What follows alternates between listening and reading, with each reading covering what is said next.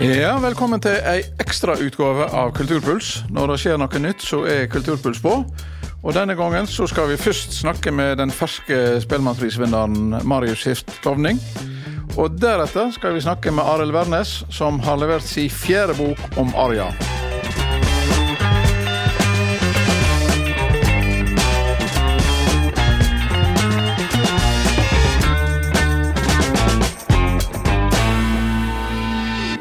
Hei og velkommen, Marius. Tusen takk. Ja, hva skal en si til en eh, fersk Spellemannprisvinner? Bortsett fra hjertelig til dere, mener jeg. Nei, jeg har fått eh, mye gratulasjoner fra nå. Ja, Så det er jo eh, utrolig hyggelig. Det er Ja. så mange som sender meldinger og det er jo, på Facebook og alt mulig. det er jo vanligvis et veldig sterkt felt, da. Så det er, jo ikke, det er jo ikke gitt å gå til topps selv om en er nominert. Nei, absolutt ikke. Og det var jo utrolig bra de inneplassene som var nominert. Ja. Pleier jo... Det var utrolig mange flotte plasser som kom i fjor. Ja. Kanskje et, kanskje et resultat av koronaen. Jeg tror det. Ja. Det var mange som lagde plasser. Det var jo rekordpåmelding, tror jeg. ja. Og apropos, apropos da, så, så er vel kanskje også eh, bandet Flukten et slags koronaresultat? Ja, vi begynte å jamme midt under første, første lockdown. eller sånn. Ja. Um, og uh, vi fikk spille en konsert på, på Nasjonaljaktene den sommeren. Fordi at hun, hun som spiller saksofon, Hanna Paulsberg, fikk spørsmål uh, om å spille der. For at Victoria hadde laga et sånt uh, konsertprogram som de ville prøve å få til selv om det var korona. Og så tok hun med oss, og den ble utsolgt, den konserten. Og det var helt, eh, det var helt utrolig stemning på den konserten. der. Akkurat. Det er jo Ja, et, og- godt, et, et godt utgangspunkt for videre samarbeid. Ja, det var det. Ja. Ja. Men hadde det noe slags Eller hvis du tenker tilbake jo nå og ser, så er jo både bandnavnet og tittelen på albumet veldig symboltungt, sånn som situasjonen i Europa i dag. Altså, Eh, ja, det var jo, med det var jo ja, altså med navnet Flukten og Velkommen håp. ja, det var jo på en måte en sånn eh, flukt fra den koronasituasjonen som vi var i. Ja. Og at alle vi satt hjemme, alle konsertene var avlyst. da. ja. Men så plutselig så får det en annen betydning òg, med dagens eh, krigssituasjon i eh, Ukraina. Ja, absolutt. Ja. Det har jeg, ikke tenkt, jeg har ikke tenkt mye på den sammenhengen her, men Nei. Nei, det kunne du Men- gjøre når du ga ut plata i fjor høst. nei, det kunne Men det ble jo sånn, da. Ja. Um, jeg vil si om dette albumet at det er, det er veldig groove-basert musikk. Eh, Og eh, med unntak da av en to-tre helt nedpå-låter, der du er ganske sterkt eh, representert, så er det veldig sånn eh, rytmisk eh, og tunge gruver. ja. Det har vel noen kanskje forbilder? Ja, det, det, spesielt jeg og og Hanna, som jeg snakket om i stad, Ja. har veldig sånn like Vi har hørt på mye av samme musikken eh, opp igjennom. Um, alt fra liksom Little Feet og sånn type amerikansk Ja, jeg vet ikke hva man skal kalle det. Det er jo sånn gruvepop-musikk på 70- og 80-tallet og sånn. Og så har vi hørt veldig mye på Joe Lovano og Bill Cristel, f.eks. ja. Og John Schofield og sånne ting. Og Paul Motion, ja. trommeslager. En kan vel kanskje høre, høre litt, eh, litt snert av dette her i musikken deres.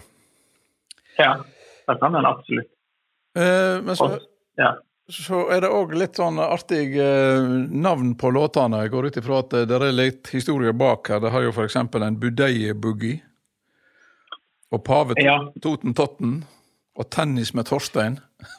Ja, ja det, har jo, det, er jo, det er jo litt sånn der Når man lager instrumentalmusikk, så er det jo ja, Tittelen kan man jo bare man kan jo finne på hva som helst.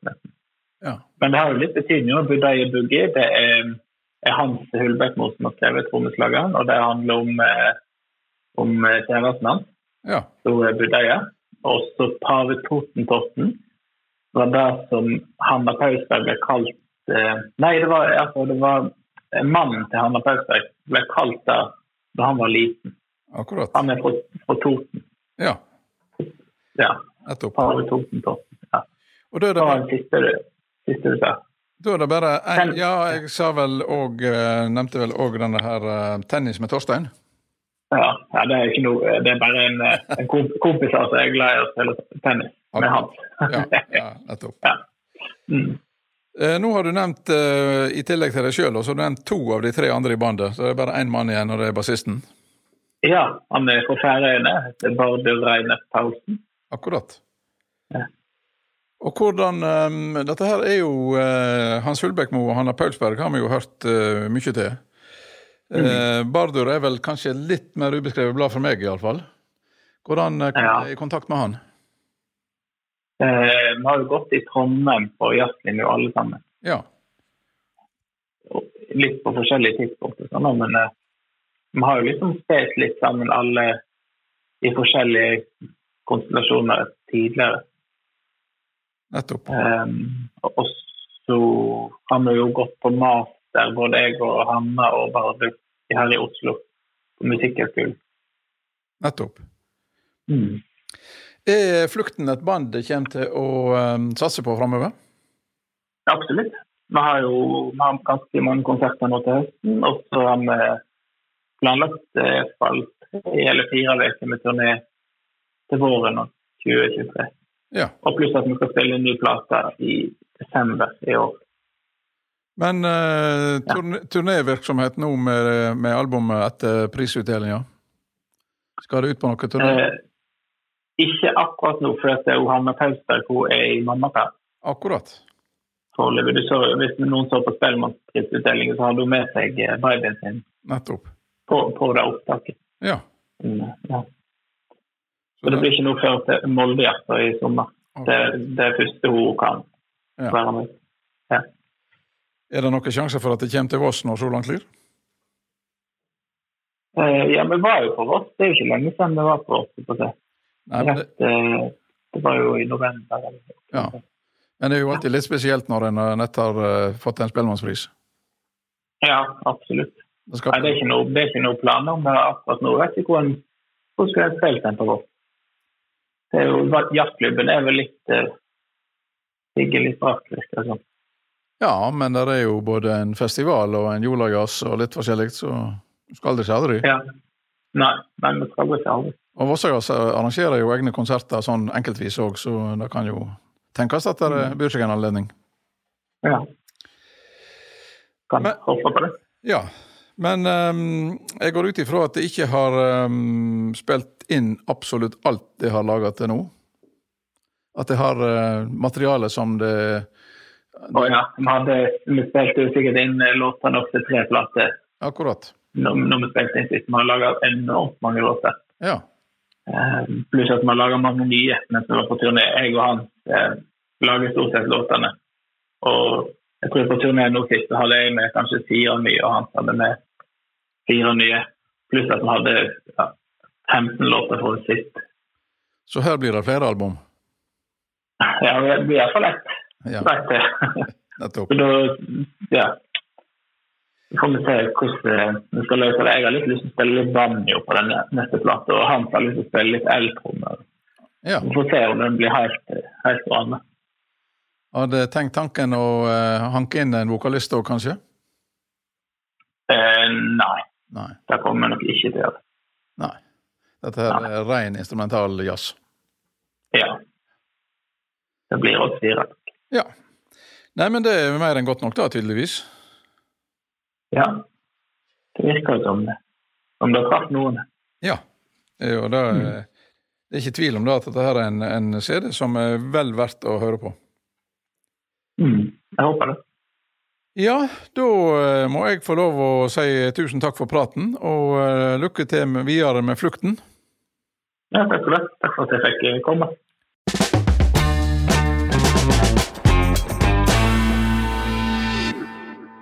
Dagens andre gjest er ingen ringere enn Arild Wærnes, som nett i disse dager har avslutta et magnificent verk på fire store bind om Arja.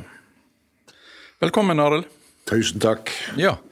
Du eh, er da altså nå i disse dager nettopp ute med bind fire om Arja. Ja. Og det er ei bok som da har fått eh, tittelen eh, Stifinner. Eh, nå er det jo selvsagt mest fristende kanskje å snakke om den siste boka, men vi må snakke om alle fire. Du har jo ikke brukt mer enn eh, tre og et halvt år, kanskje knapt, eller noe sånt, på å skrive da 17, bortimot 1700 sider. ja. To år på å gi de ut. Ja. Og eh, tre år vel så da å skrive det. Akkurat. Hvordan, eh, hvordan har du eh, Hvor mye på en måte visste du før du begynte å skrive, eller har det balla på seg underveis? Jeg visste veldig lite når jeg begynte å skrive. Jeg, visste egentlig ikke hva jeg holdt på med i det hele tatt.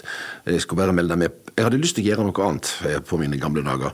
Og så drev jeg med musikk og DJ og ja, tegneserier og alt mulig sånt gjennom mange, mange år.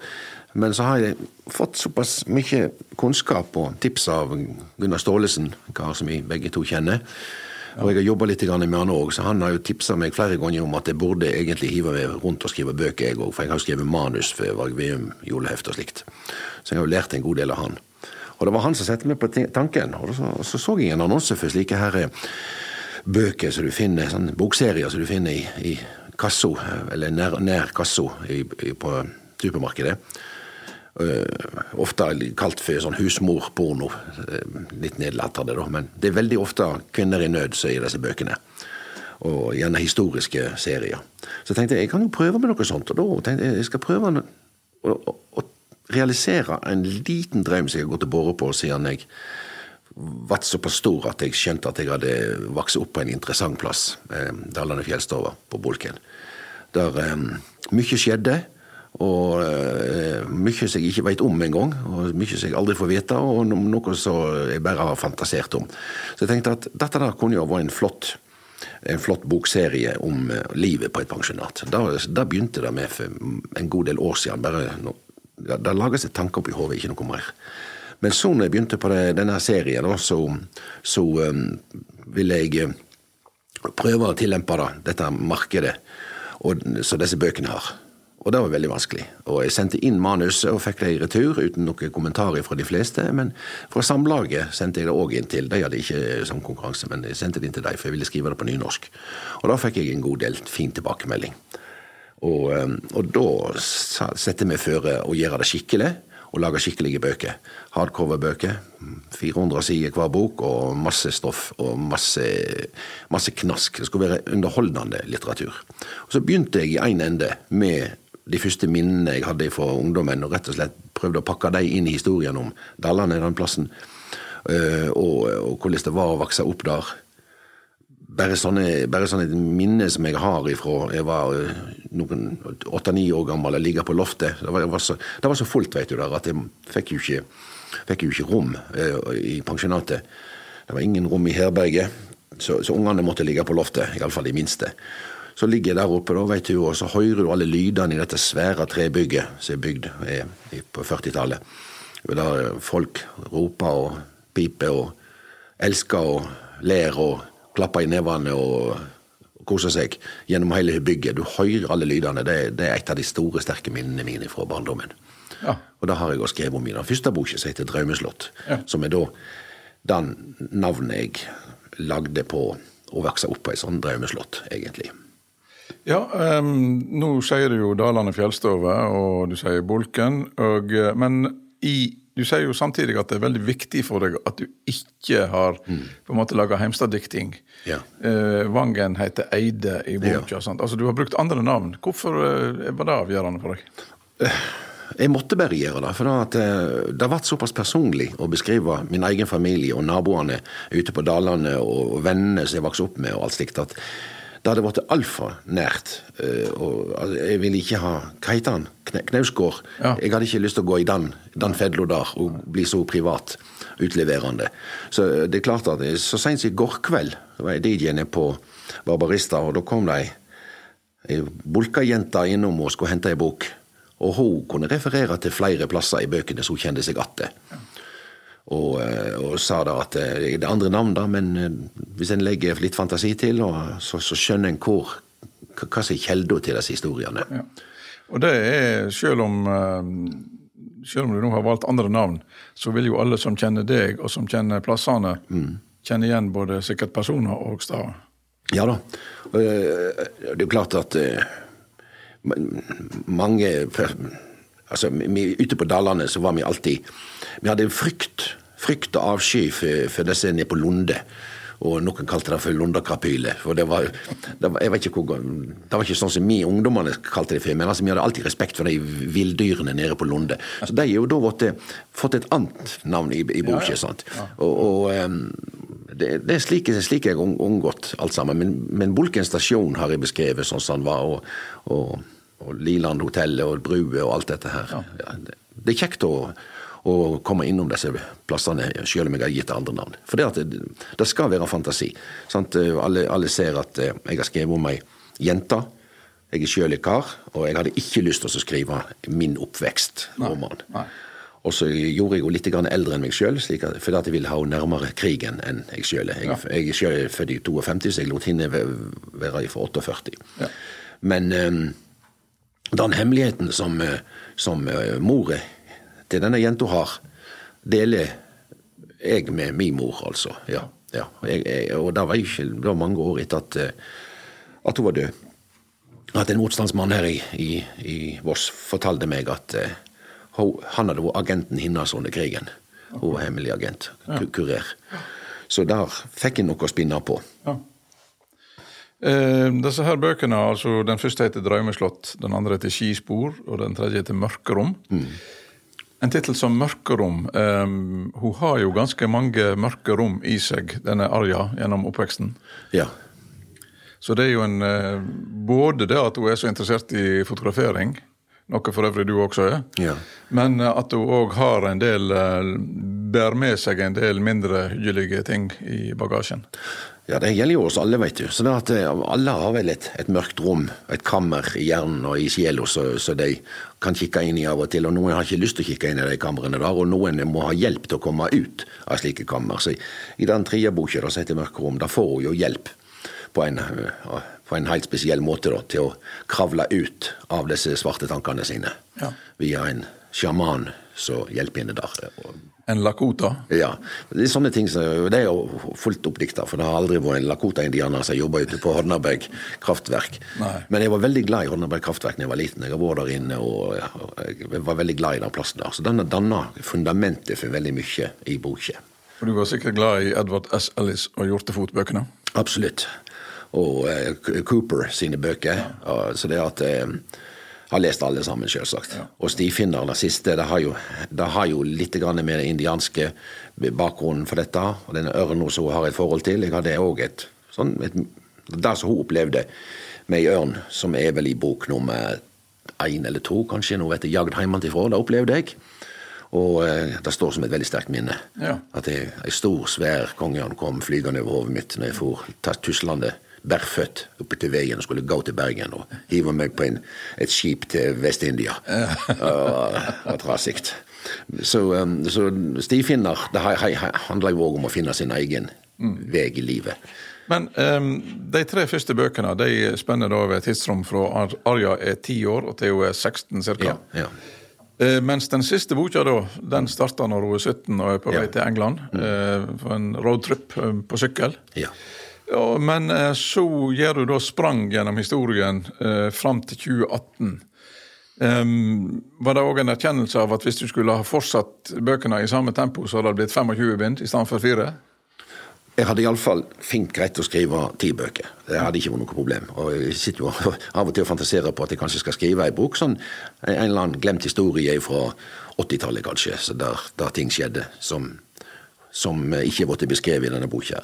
Men jeg, jeg den første delen jo, var jo egentlig ei egen bok, den delen som foregår i England, i Storbritannia. Hun er jo både i Irland og Skottland og farter mye rundt denne jenta. opplever mye. Det er jo egentlig ei egen bok. Men så, når den blir avslutta, så begynner neste etappen i, livet hennes. Og da så opplever i Storbritannia, i den første delen, da danner kjelda for det som driver henne resten av livet. Ja. Og det avslutta da altså i 2018, når hun er 70 år. Ja. Um, det er, altså, I denne fjerde boka da, så er det en imponerende tidsbilde over ja, England på midten av 60-tallet og framover i periode. Mm. Um, hvor mye research måtte du gjøre for å kunne skrive dette her? Hvor mye har du opplevd sjøl av disse her eh, plassene og pubene som du skriver om? og, og eh, ja, stedene som du har vært innom, og som hun var innom? Ja, altså byen som kommer til. Så hun, bare, hun, er, jo så stuptrøtt når hun sykler fra Newcastle og, og, gir seg i kast med storeveien til London. Hun vet jo ingenting om hva hun egentlig har prøvd seg på. Og så bare stopper hun i en by, og den byen kjenner jeg inngående. Der har jeg vært mange ganger og, og kjenner både pubene og arbeiderklubbene og butikkene og sag, sagbruket og kålgruven, ikke minst, som ligger rundt der. The Big Tips. Så det, det området der kjenner jeg godt. Og så har jeg eh, gjort akkurat som henne. Jeg skulle sykle derifra og til, til um, Wales via Liverpool da, for å få meg jobbe jobba denne sommeren der. Men det har vært litt for lang reise, så jeg heiv med på en lastebil. Så akkurat det som hun gjør, det gjorde jeg òg. Og disse byene rundt uh, oppe i nord, Northumbria, de kjenner jo jeg veldig godt. Jeg har både sykla rundt der og gått mye der og tatt bussen og, og, sånne ting. Så områdene kjenner jeg godt. Og pubene, vet du.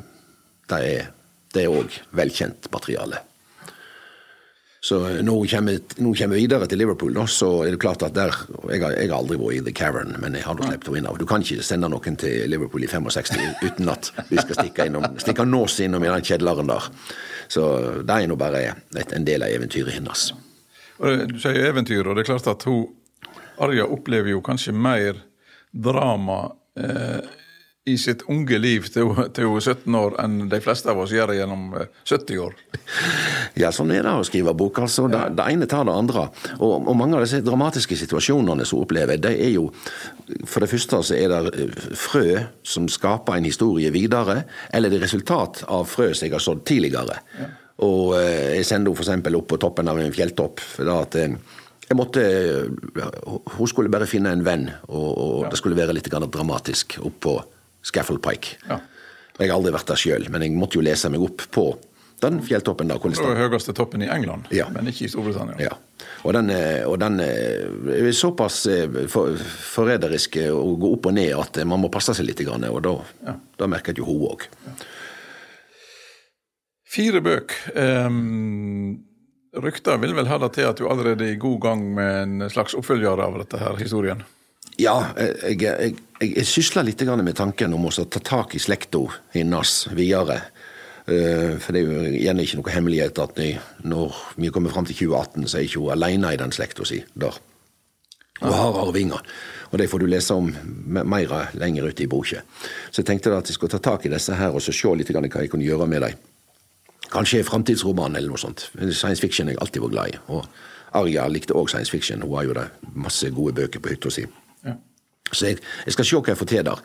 Alternativet er òg at jeg eh, plutselig en dag når jeg går en tur i fjellet, der dukker opp en sekvens som gjør at jeg kan skrive en bok om et kapittel i Arja sitt liv som ikke ble dekka. 80-tallet er veldig lite dekka i, i denne boka her. Ja, du gjør noen sånne små dykk innom 70- 80-tallet. Ja. Men uh, ikke, ikke, noe dyptgripende? Nei, et par dykk uh, i 75, der hun reiste tilbake igjen til Irland for, på et oppdrag. Da er jeg rimelig heftig. Og, og, og 80-tallet òg, der hun møter en venn av oss som heter Varg Veum, og han hjelper henne litt. Grann. Det er òg et forholdsvis langt kapittel. Men eh, så har du sånne små episoder. Jeg var, jeg var, på Lillehammer i 94, og jeg må jo sende henne bort der òg, da. Så hun får oppleve akkurat det samme som vi opplevde. Eh, du nevner Varg Veum, og det må jo kanskje sies at Gunnar Staalesen hadde velsigna din bruk av Varg Veum? Ja. Som han sa i et, eh, et intervju en gang med en sånn bokprat vi hadde, at Eh, han ser på bruken av Varg som en slags form for jazz jam session. At du tar tak i karakteren, og så leker du deg videre med han, men du leverer han tilbake igjen i god behold. Ja. Og han, han, han, mener da at jeg har brukt Varg på en god måte her. Ja. Så 1700 sider på tre år det har ikke skremt deg fra å skrive mer? Nei, nei, nei ikke i det hele tatt. Og eh, Det begynte jo egentlig i 2018, da, med denne kladden min. Så, så i 2019 da, så havna jeg på sykehus og, og, og dobbeltoperert i Bringo. Og jeg vil ikke akkurat påberope meg nærkontakt med døden, eller noe sånt, men da, da skjønte jeg plutselig at en lever ikke evig. Og jeg var ikke fylt 70 igjen da.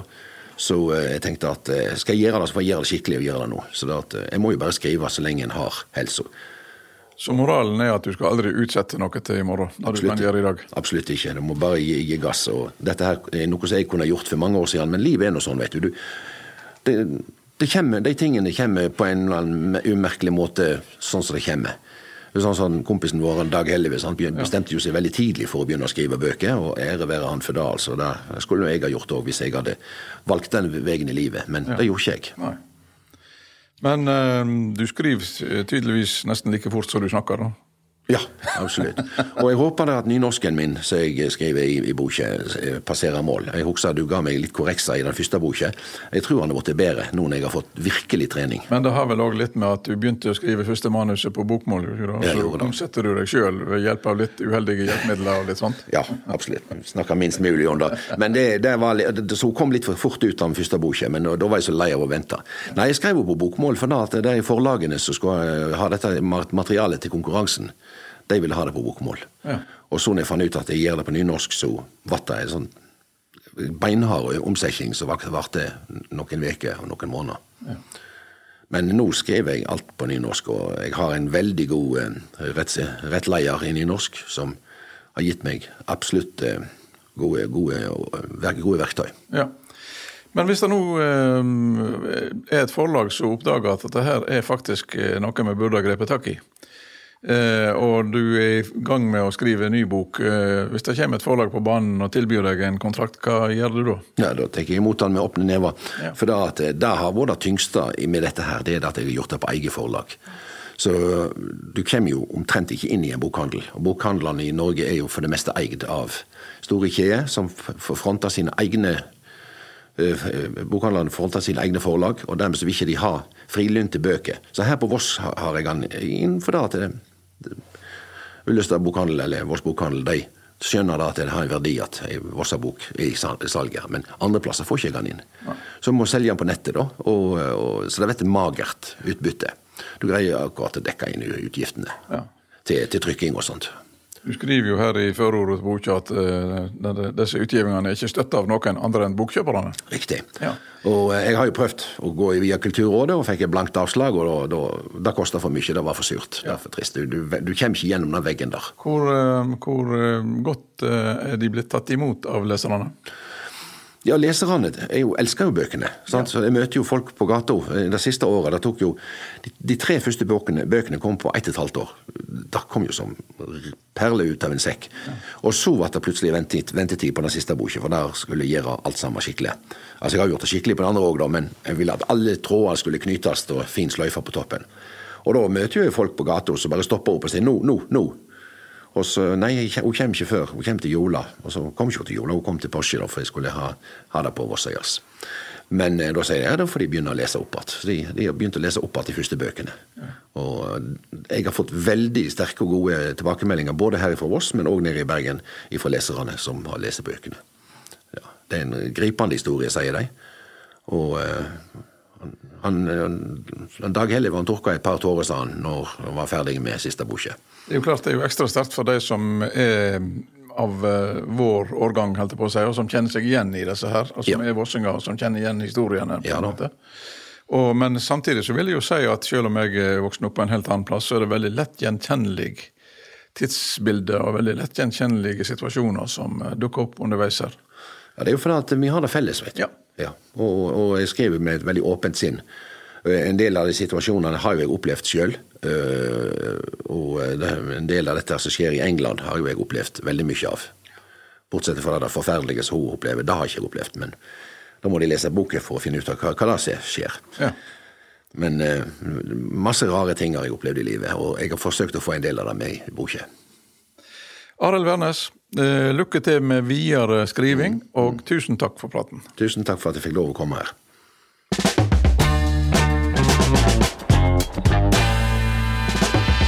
Ja, det var dagens ekstrautgave av Kulturpuls, men uh, vi hviler aldri. Så nå uh, neste gang, da, så skal vi snakke med um, ingen ringere enn Linda Eide og Herborg Kråkevik om teaterstykket som de har i losjen for tida. Og kanskje blir det noe mer godbiter.